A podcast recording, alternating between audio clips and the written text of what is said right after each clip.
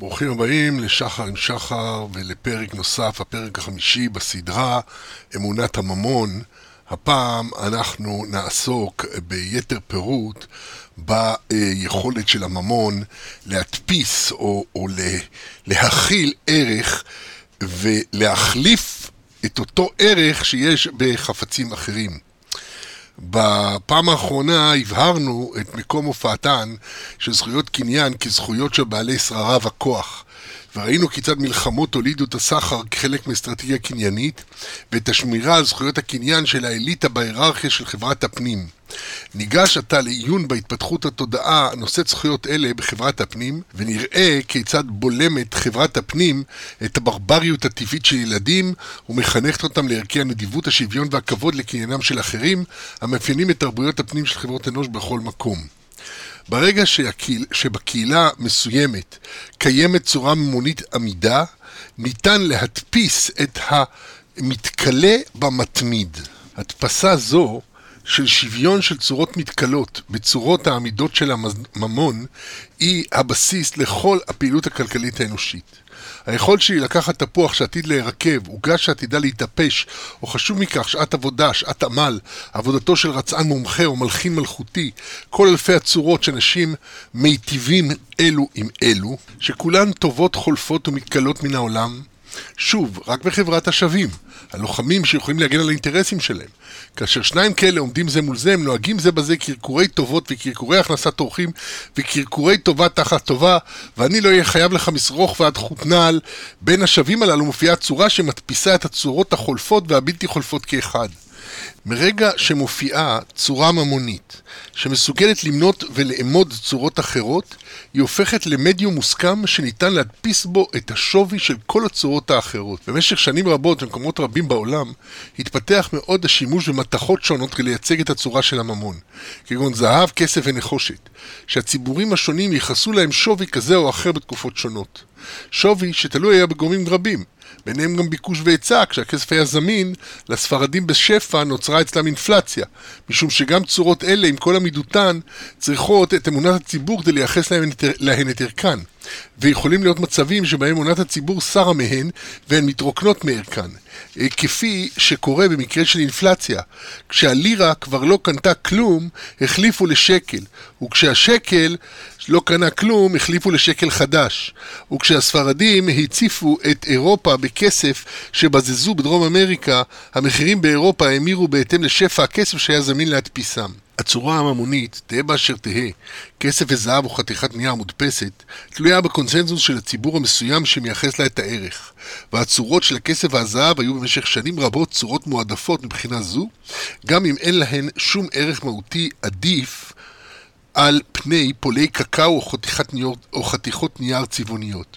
היופי הוא בעין המסתכל, וכששר חינו של הזהב הוא מאבד את ערכו. שוויו של הזהב נובע מאמונת הציבור המדפיסה בו ערך ומשתמשת בו כאמצעי מניעה ושקילה שעומד את שוויין, של צורות אחרות. בשלב מסוים השתכללו הצורות של המתכות היקרות, כפי שראינו, לכדי צורות של מטבעות. כלומר, ארזו את משקלה של המתכת במטבע שהכיל את המשקל הזה בפועל, אך גם ייצג אותו סמלית בצורתו המטבעית. כלומר, צורה שיש לה משקל וגם מספר מנייתי המשתווה אל המשקל זה.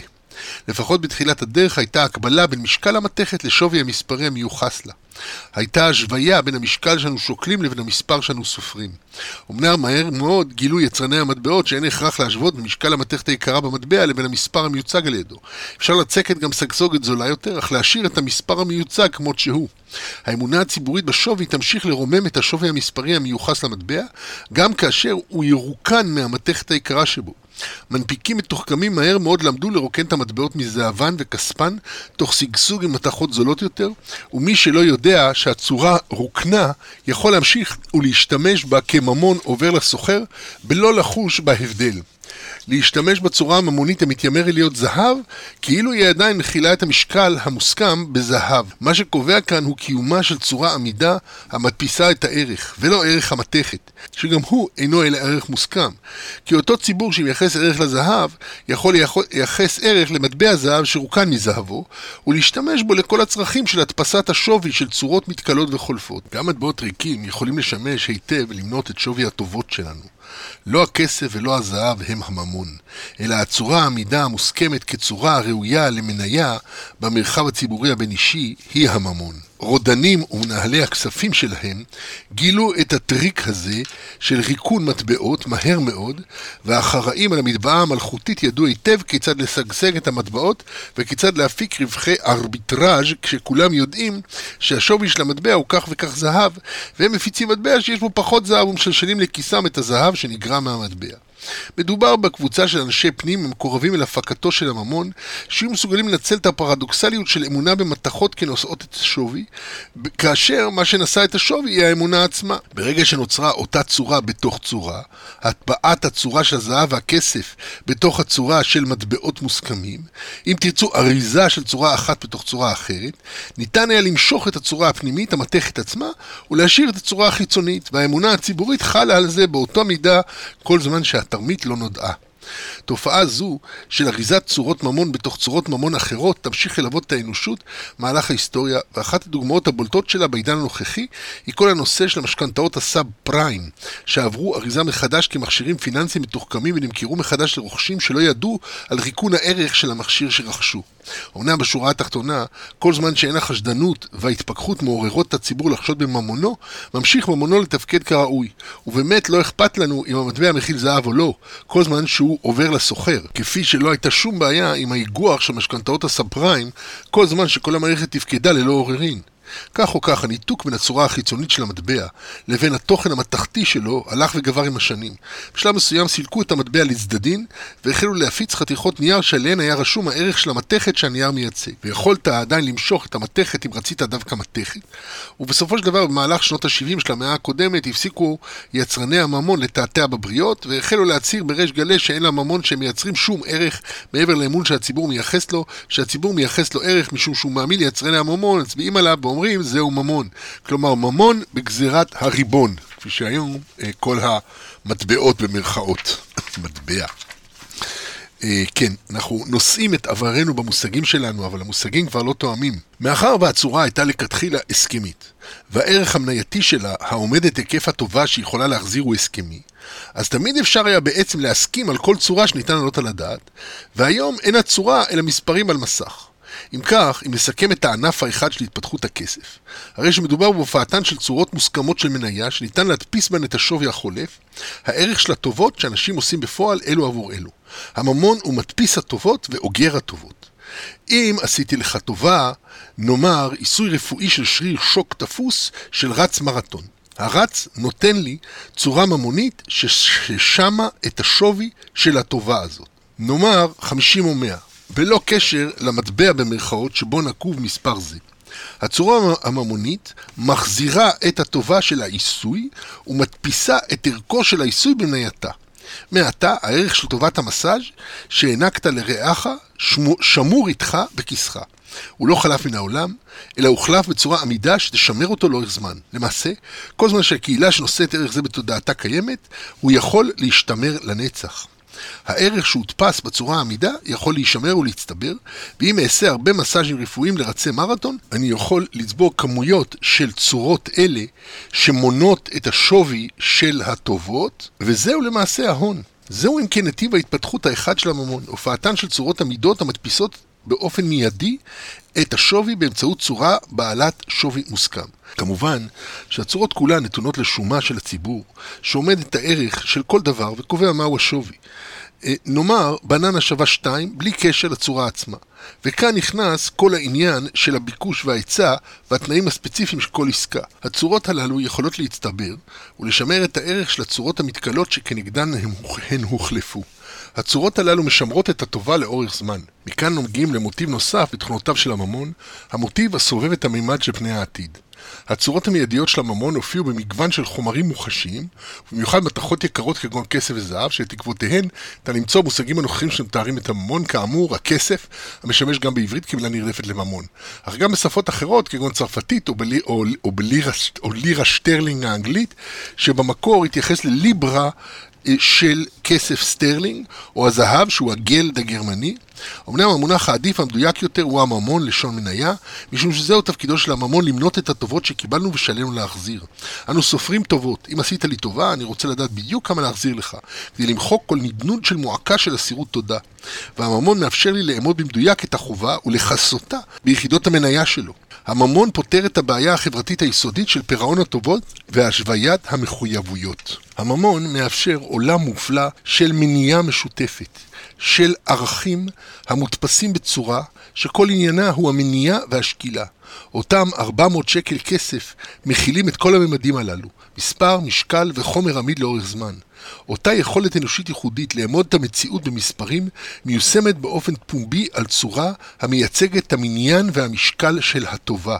זו הסכמיות הקובעת כיצד נאמוד יחד את השווי, באמצעות צורה מסוימת זו שאנו מייחסים ערך מוסכם למניינה ומשקלה. האמצעי שהלך והתפתח כדי לשמש כצורה מוסכמת עומדת שווי, צורה מוסכמת כמו שפה, שהיא נחלת הכלל אך נמצאת ברשותו של היחיד, הוא הממון שהוא נחלת הכלל, נוצר מתוך הסכמה האמונית של הכלל, אך הוא עומד מוכן ומזומן לשימושו של היחיד. הממון הוא תוצר חברתי אמוני העומד לרשותם של עושי טובות כדי להשיג טובה תחת טובה. אמנם אחד המאפיינים של המורכבות הסוציו-פסיכו-אמונית של הממון הוא המימד של עמידת העתיד, משום שהצורה המיוחדת של הממון יש לה מימד של צפיית פני עתיד. בניגוד להחלפת צורות מתכלות שונות שטובתן נאכלת ונעלמת, כגון עוגה תחת בננה, שבהן הטובות שהוענקו והתקבלו מתכלות ונעלמות מן העולם, ברגע שהצורה המתכלה מוחלפת בצורה עמידה של הממון, עמידה לא רק במובן זו שהיא בדרך כלל מודפסת בחומרים עמידים, אלא בעיקר משום שהיא עמידה בתודעת הציבור, הרי הציבור ממשיך לייחס באופן קבוע את אותו שווי לאותה צורה ממונית ולהאמין בשווי הזה. הממון המונה את הטובה לא רק משיב במדויק טובה באופן מיידי, אלא שמהות הטובה שהוא משיב היא גמילה טובה לעתיד, המגובה על ידי ציבור מאמיני הממון. הממון המונה את הטובה לא רק משיב במדויק טובה באופן מיידי, אלא שמהות הטובה שהוא משיב היא גמילת טובה עתידית המגובה על ידי ציבור מאמיני הממון. צפייה זו של פני העתיד הגנוזה בממון ההבטחה שהוא נושא להעניק טובה עתידית, בזמן שהוא עצמו כבר מייצג טובה זו, תכונות אלה מיוצגות כאמור בשני ערוצי ההתפתחות שהתלכדו. מצד אחד ההופעה של חפצים שכולם מייקרים אותם, חפצים זוהרים, נוצצים יפים, שכולם רוצים בהם. גם כאן אנו רואים תכונה אנושית מופלאה, למצוא את היופי בעולם, את האסתטיקה, ולייקר אותה. וחפצים אלה שכולם מוכירים אותם נספגים אט אט לתוך הקונצנזוס הממוני. את כולם מייחסים לצורתם ערך ויתרונם בכך שהם אינם מתכלים אלא צורתם קבועה ומתמידה ובכך משמשת מיכל מצוין עבור ערכם. המתכות היקרות מילאו תפקיד זה מצוין, אם כי היו גם צורות אחרות במהלך ההיסטוריה, מקונכיות מטבעון באפריקה ועד פולי קקאו בדרום אמריקה. מתוך עמדת החפצים היפים, התפתחה הסכמה ציבורית בין אנשים ביחס לשוויים של חומרים אלה. קונצנזוס קהילתי ביחס לשווי של הממון עצמו, שוויה של צורה זו שעם הזמן החל לשמש כממון, היה לכתחילה שווי רוחני, בשל צורות שהנפש האנושית חומדת אותן, למרות שאין בהן תועלת פרקטית. כפי שקורה ביחס למילים, את ציבור מסוים מסכים שמילה מסוימת, נאמר עוגה, תהיה מיוחסת לאיזשהו מאכל מתוק העשוי מקמח סוכר ושומן ועוד כל מיני דברים. אמנם במקור עוגה, לשון עג עיגול, מתייחס לצורה עגולה, אך היום יש לנו צורות רבות של עוגות. המונח התפתח היסטורית, וקהילת דוברי העברית נוהגת לייחס משמעות זו לצורות אלה של שילוב בין חומרי מזון. באותו אופן בעולם הכלכלי, בכל קהילה בפני עצמה התפתחה תודעה של הערך או השווי של צורה מסוימת שבדרך כלל הייתה מאוד מושכת עין ומאוד עמידה שניתן היה לאמוד אותה עצמה בדרכים שונות. את קונכיות המטבעון האפריקניות ניתן היה למנות, את הכסף והזהב ניתן היה לשקול, שקל כסף או ליברות של שטרלינג, ושטבעו בהן מטבעות בעלי משקלים קבועים, ניתן היה למנותם, וצורות אלה החלו לשמש בעיקר עבור כוחן למנות ולשקול באופן מדויק את השווי של טובות על מנת להשיבן. בנוסף להיותן בפני עצמן צורות בעלות ערך, צורות עמידות ויפות אלה שימשו גם כדי לשום ולאמוד את ערכן של צורות אחרות, ובכך ניחנו בערך ציבורי מוסף. במהלך ההיסטוריה אנו מוצאים התפתחות כזאת בתרבויות רבות ובמקומות רבים. במקומות שונים בעולם התחילו דברים שונים לשמש כאמצעי מניה מוסכם, וכדרך מוסכמת לאמוד את שוויין של כל הצורות האחרות. בסוגריים ככולל באופן רפלקסיבי מופלא של צורות שונות של הממון עצמו. ולהדפיס שווי זה במשהו עמיד שלא רק שאינו מתכלה, אלא גם מועבר בקלות מיד ליד שהוא עובר לסוחר. כלומר, ניתן להעביר צורה זו עם השווי המוסכם, הפומבי שלה למישהו אחר, ולתיתה כטובה כנגד טובה אה, שהתקבלה, ולשחרר מהתלות בצורות המתכלות שנעלמות מן העולם. נקודה חשובה בחליפין שמעורב בהם ממון, היא שהממון מקדד בדיוק את ערך טובת ההנאה ברגע החליפין. ולמעשה, ולמעשה מאפשר לשמר את ערך הטובה הזאת בצורה מדויקת. אם יש לי עוגה ששווה חמש, לך יש מטבע ששווה חמש, אנו מחליפים בינינו את הצורות החיצוניות, עוגה ומטבע, אך כל אחד נשאר עם שווי של חמש. ברגע החליפין הנקודה הקריטית של ההדדיות נשמרת, טובה תחת טובה ובמדויק. בפועל בעסקה יש שלושה רבדים. הצורה, הערך והשווי באים לידי ביטוי. מצד בעל העוגה, הצורה שברשותו היא עוגה, והוא עומד את ערכה בחמש. הוא מבקש באופן פומבי שווי של חמש, דהיינו מחיר של חמש שקלים. וזה ההצהרה החיצונית, שהיא נבדלת מהערך הפנימי בכך שהיא לוקחת בחשבון את התכתיבים הרבים. למשל, אפשר שערך החומרים שמהם העוגה עשויה הוא רק 0.5, אך בעל העוגה עומד את ערך השקעתו כ-4.5. אפשר גם שבעל העוגה מביט לצדדין, ורואה שבעלי עוגות דומות מוכרים ב-5, אז הוא מבין שהוא לא יכול לבקש יותר מ-5, גם אם הוא עומד את המאמץ שלו ב-10. המחיר הפומבי, החיצוני, נתון לטלטלות רבות של תכתיבים חיצוניים, והרבה מרירות הובעה על ידי בעלי מוצרים שבורסות הכתיבו את מחיריהם. כפי שכותב באנר, שכתב ספר על ההיסטוריה של הקו הדק המפריד בין הימורים להשקעות, הוא כתב שבין האיש שמייצר את המזון לבין האיש הצורך אותו פועלת מערכת סבוכה של קנייה ומכירה. משאית עמוסה ביצים, שנמכרו לסיטונאי במחירי שתי סנט לביצה, נמכרה תשע פעמים בבורסה בלי לצאת ממחסן הקירור, עד שמלון סנט ריג'ס שילם לבסוף ארבע סנט לביצה וקנה את כולן. עד כאן מבאנר. לעתים המוכר דחוק בכסף, הוא מוכן למכור בשווי נמוך לעומת הערך, וכן הלאה. הנקודה החשובה היא שיש פער בין הערך לבין השווי, וזהו גם הפער שעוסק בו כל מי שמעורב בשווקי ההון. התר אחר פער זה בדיוק כדי להרוויח את ההפרש. הפער בין הערך לשווי בולט במיוחד כאשר רמת האינפלציה הופכת למוחשית, וברור לאנשים בעליל שהשווי של החמישה שקלים שברשותם כבר אינו חמישה שקלים, גם אם זה אותו מטבע וגם אם היו רוצים לייחס לו את אותו ערך. פשוט חמישה שקלים כבר לא שווים את מה שהיו שווים.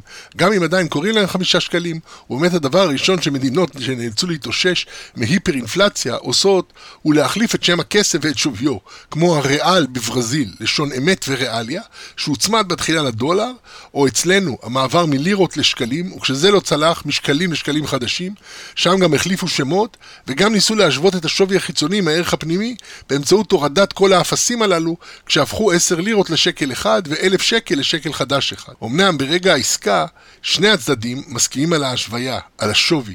קוראים לזה שווי בדיוק משזהו עמק השווה. ניתן להחליף כל צורה בעולם בצורה אחרת, אפילו דברים בלתי מוחשיים כמו שעת עבודה או קניין רוחני. אבל דבר אחד נשאר יציב בכל עסקה, וזהו השווי ברגע הביצוע.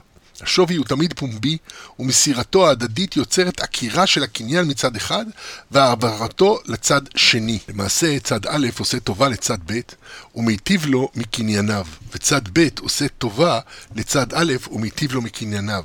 הם עושים טובות הדדיות, וכל אחד הוא עכשיו הבעלים של הצורה שהייתה קודם אצל רעהו, אך שניהם נשארים כפי שהיו, הבעלים של אותו ערך. הצורות עוברות והערכים נשארים. אחרי ביצוע העסקה, אנו מוצאים שהצורות הוחלפו, אך השווי נשאר כשהיה. ערך העסקה הכלכלית שמר על השקילות משני הצדדים. אמנם, אך החשבונאות הדו-צדדית, ועוד נדון בזה בהרחבה בהמשך, אינה משקפת את השמירה הזאת על הערך, אלא מעדיפה לקזז את הערכים ומחסירה את התרומות ההדדיות זו מזו כדי לקבל אפס. כביכול, היה כאן מאזן שבו העסקה התאפסה, אך בפועל העסקה לא התאפסה. למרות הדוגמה של החשבונאות הדו-צדדית, במציאות שני הצדדים יצאו מרוצים כי הם שמרו על אותו ערך שהיה להם בתחילה. כלומר, לא נוצרו מחויבויות של החזרת טובות כדי שהצדדים ישתוו. נתנו חמש וקיבלו חמש. כלומר, העסקה הכלכלית שמרה על השקילות משני הצדדים. ההשתוות יוצרת עסקה כלכלית שבחברת השווים שומרת הדדיות של מידה כנגד מידה, שתי מידות שקילות. כאן נכנס החידוש של הממון, שהוא לא צורה ממשית אלא מופשטת, המבוססת על הסכמיות, שהצורה הזאת שווה את הערך, במקרה שלנו, חמש. למעשה, מדובר כאן במשהו הרבה יותר מורכב מבחינה תודעתית, משום שהממון, אותו מטבע של חמישה שקלים, המשמש אותנו כאן כדוגמה, יש לו שתי תכונות בו זמניות ייחודיות. מצד אחד, הוא מכיל בעיני הצדדים את הערך. של חמש, שמאפשר את החלפתו עם הערך של אותה עוגה. אך מצד שני, אין בו הרי תועלת מוחשית. הכסף לא יעדור לך את הגינה, לא ישביע את רעבונך ולא יבדר את שיממונך. בשביל זה תצטרך לקנות שעת עבודה של גנן, משהו קטן במכולת ומותחן טוב של גרישם. הממון עצמו הוא צורה מופשטת שעיקר עניינו הבטחה להשיב טובה. ומי ישיב את הטובה? ציבור מאמיני הכסף שיש באמתחתם כל מיני טובות ייחודיות. בדוגמה שלנו, גנן שיודע להדור, בעל מכולת המחזיק מקרר מלא כל טוב, וחנות הספרים המקומית בחיפה, מומלץ על גולדמון ספרים, ששם תוכלו לפדות את ההבטחה שקיבלתם תמורת מותחן, אם כי נראה לי שאפילו בקומת המציאות של גולדמן כבר לא תמצאו דבר בחמישה שקלים. הממון עצמו הוא הבטחה ארטילאית המשוחה על דעת הציבור המאמין בו. המבטיח שבעתיד ניתן יהיה להשתמש בממון כדי לקבל צורה בעלת תועלת מוחשית. אמנם, כפי שנראה בהמשך, ההבטחות שמבטיח הממון השתכללו במהלך ההיסטוריה, תוך התלכדות של שני סוגים של הבטחות. האחת היא צורת השטר חוב, ההבטחה הציבורית לשלם כך וכך למחזיק השטר. השנייה היא צורת החמדה, להחזיק בצורה שכולם חומדים אותה, כגון מטבע זהב, וכולם יהיו מוכנים להחליף טובה כנגד טובת ההחזקה בה כקניין. אמנם דמויות הצללים של בני האדם, המאכלסות את המרחב הבין-אישי, נמצאות שם תמיד. החמדה הציבורית היא המבטיחה את ערכן של המתכות היקרות, והופכת אותן לכלי ראוי לנשיאת הבטחות, משום שהמתכת הופכת למתווכת בין הווה העסקה לבין עתיד המימוש המוחשי של הטובה. כנגד העוגה מתקבל מטבע הצופן את ההבטחה שניתן להחליפו בצורות אחרות בעלות ערך דומה. המטבע נושא את הערך באופן מיידי, מתוך כך שהוא מבטיח את הערך בעתיד. רק הבטחות הבטחות. אבל האמונה הציבורית בשווי הופכת אותן לברות תוקף מיידי. כסף עובר לסוחר, הוא בעל ערך מיידי מתוך שיש לו ערך עתידי.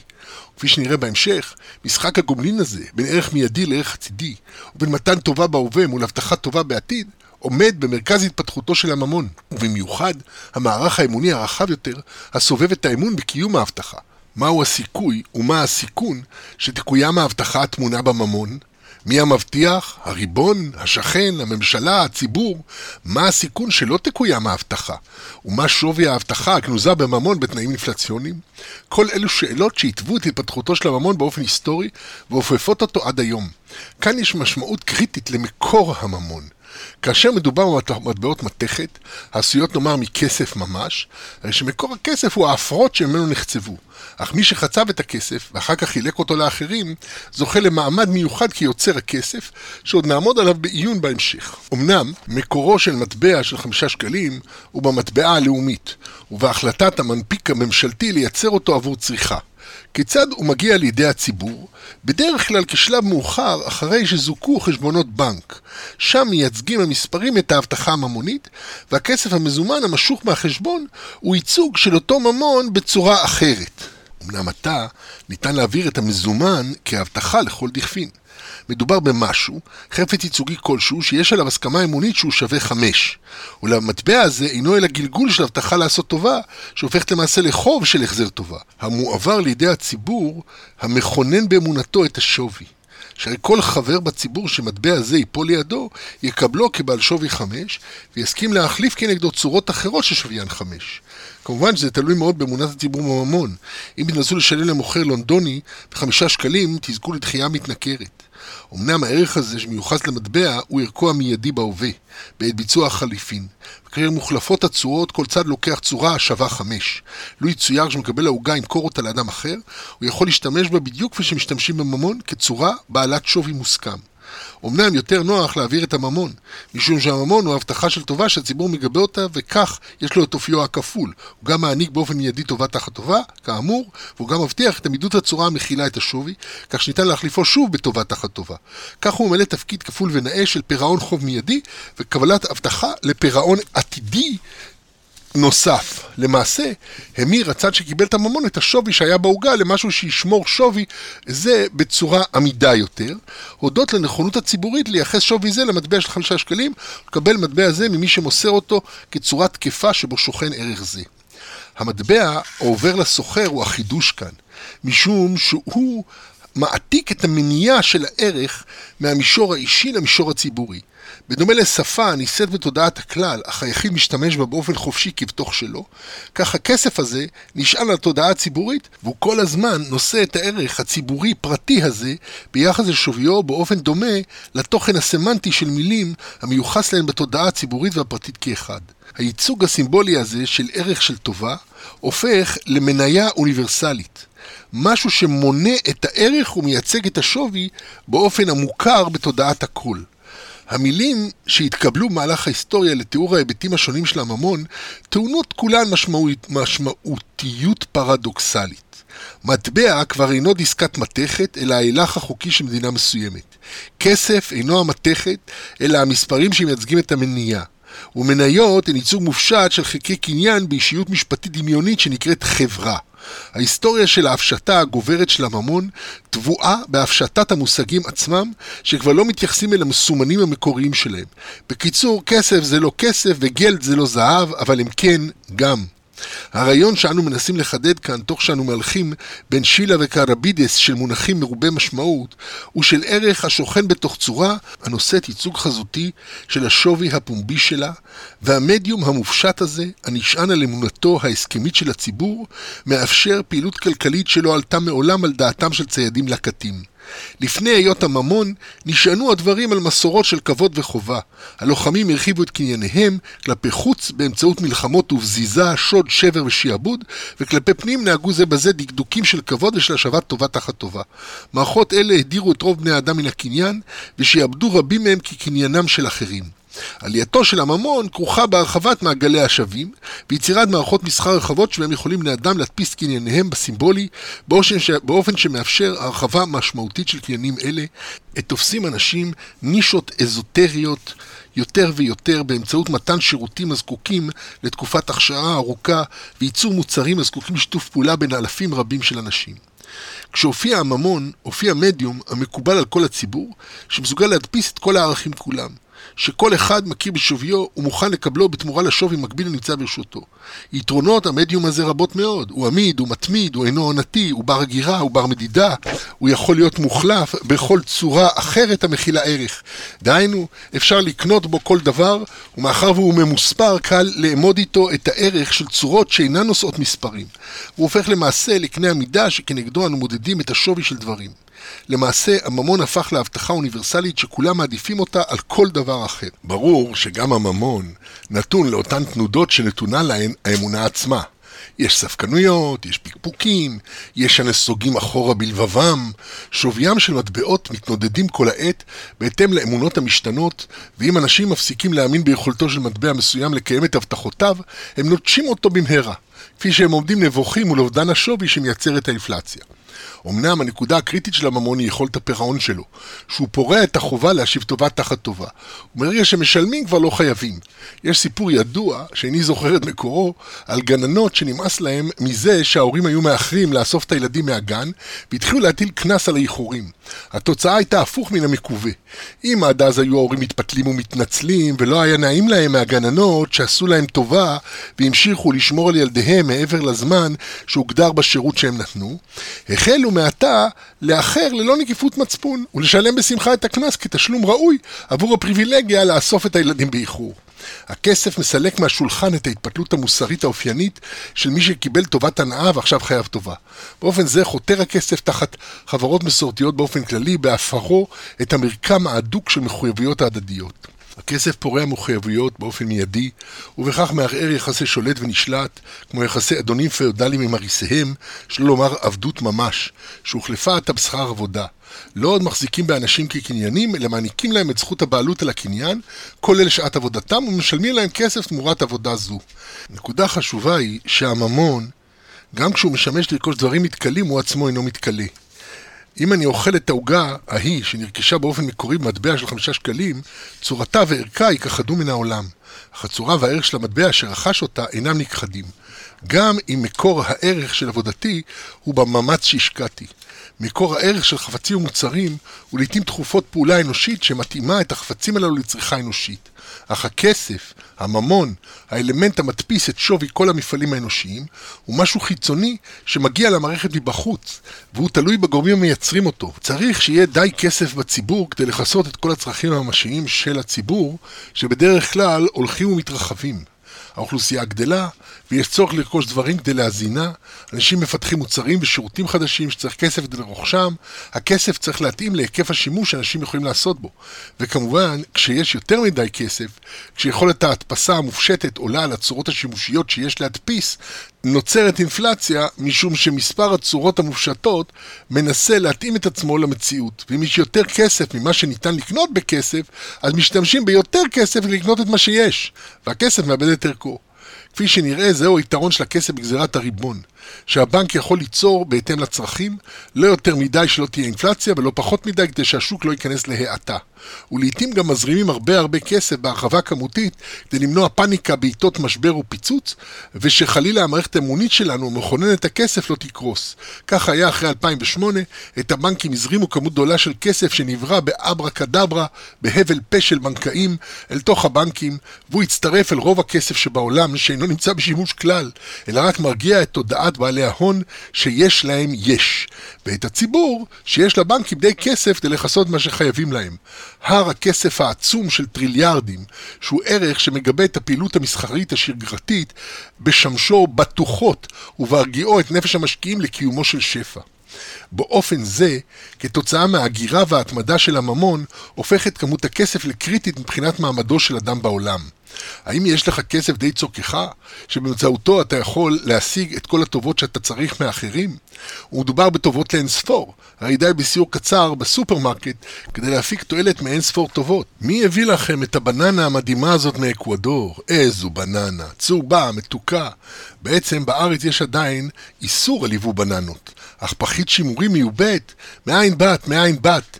היכן כתבו את האפרסק, ומי לקח את הסירופ? ומי ייצר את הפחית, ואיזו מכולה הובילה אותם? כמה טובות צומחות לנו יום-יום, והממון מאפשר לנו לשמור על הדדיות נאותה, ולפרוע מיד את חובנו כלפיהם, אחד הפלאים הגדולים של התרבות האנושית. זו, בסופו של דבר, צורתו של הממון המודרני. שהוא פורע מיידית את הטובה באמצעות הבטחה של טובה עתידית המשוכה על הציבור. אני מקבל ממך טובה באופן אישי, והטובה שאני מחזיר לך היא הבטחה לטובתן של הבריות. הטובה שאנשים בציבור שאני שייך אליו יעניקו לך אם תמסור להם שטר זה. צורה זו שאין לה שום ערך עצמי מחוץ לערך הפומבי המיוחס לה, שפרטים בציבור נכונים להעניק מטובותיהם כנגדה. הממון המודרני מלכד את שתי התכונות הללו. הוא גם טוב מיידית, כי שילמתי לך במזומן, והמזומן הזה הוא גם שטר חוב שתוכל לפרוע בעתיד. נוכל אם כך להגדיר את הממון באופן הבא המדיום המדפיס את השווי של טובה באמצעות התאמת אומדן שוויה של הטובה לצורה הנקובה של הממון, המספר הרשום על השטר או על הצג, וההחלפה בין הצורות. צורת הטובה שקיבלתי והצורה הממונית מאפסת את החשבון. וכל איש הולך לדרכו עם השווי שקיבל. אמנם הטובה שקיבל הצד שקיבל את הממון היא הטובה של הבטחת טובה עתידית, טובה שמגובה על ידי רשויות והבנק המרכזי המייצר את הממון. האופי הכפול הזה של הממון הוא תופעה מדהימה של אמונה אנושית המכוננת צורה מופשטת שמדפיסה עתה את כל מפעלות האדם. כל הטובות שאנשים יכולים לעשות אלו לאלו בכל מקום בעולם, את כל הטובות הללו ניתן להדפיס עכשיו ברשת האמונית העבה הזאת, המגובה על ידי שופטים ושוטרים ובנקים מרכזיים, הרשת הזאת שמחזירה טובות באופן מיידי באמצעות הבטחת טובות באופן עתידי. הפרדוקס הגדול של הכסף, טובה תחת טובה באמצעות הבטחת טובה לעתיד. אמנם, תכונה כפולה ופרדוקסלית זו של הכסף מובילה באופן באופן ישיר אל היכולת לצבור הון.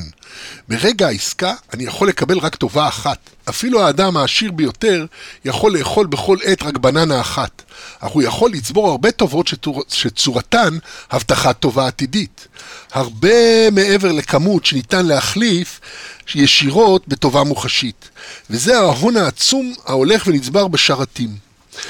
עולם המזומנים שבו אנשים מחליפים ביניהם צורות באופן ישיר, העולם שבו הולכים למכולת, מחזיק רק אחוזים בודדים מכלל הממון בעולם.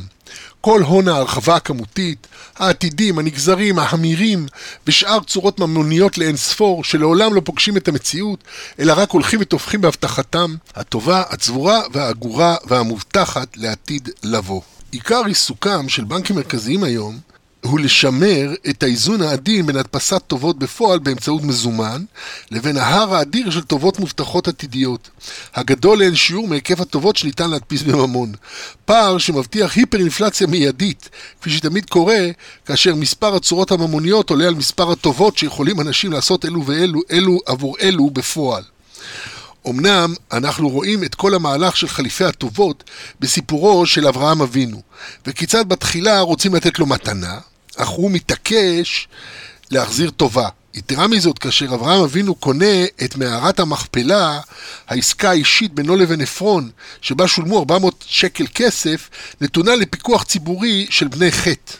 והאישור הקריטי להעברת הבעלות על הקניינים הוא האישור הציבורי של עיני ואוזני הציבור החיטי למכירה. מתחילת הסיפור, המתפרס על פני 17 פסוקים ועד סופו, הצד שכנגד האמיתי בעסקה הוא הציבור של בני חטא, שאליו פונה אברהם לכתחילה. והוא זה שנותן את אישורו להעברת הקניין הפרטית של עפרון. והוא זה שבסופו של דבר מקים את העסקה, ועל שמו היא נקראת. ויקום השדה והמערה אשר בו לאברהם לאחוזת קבר מאת בני חטא. זה בבראשית כ"ג כ'.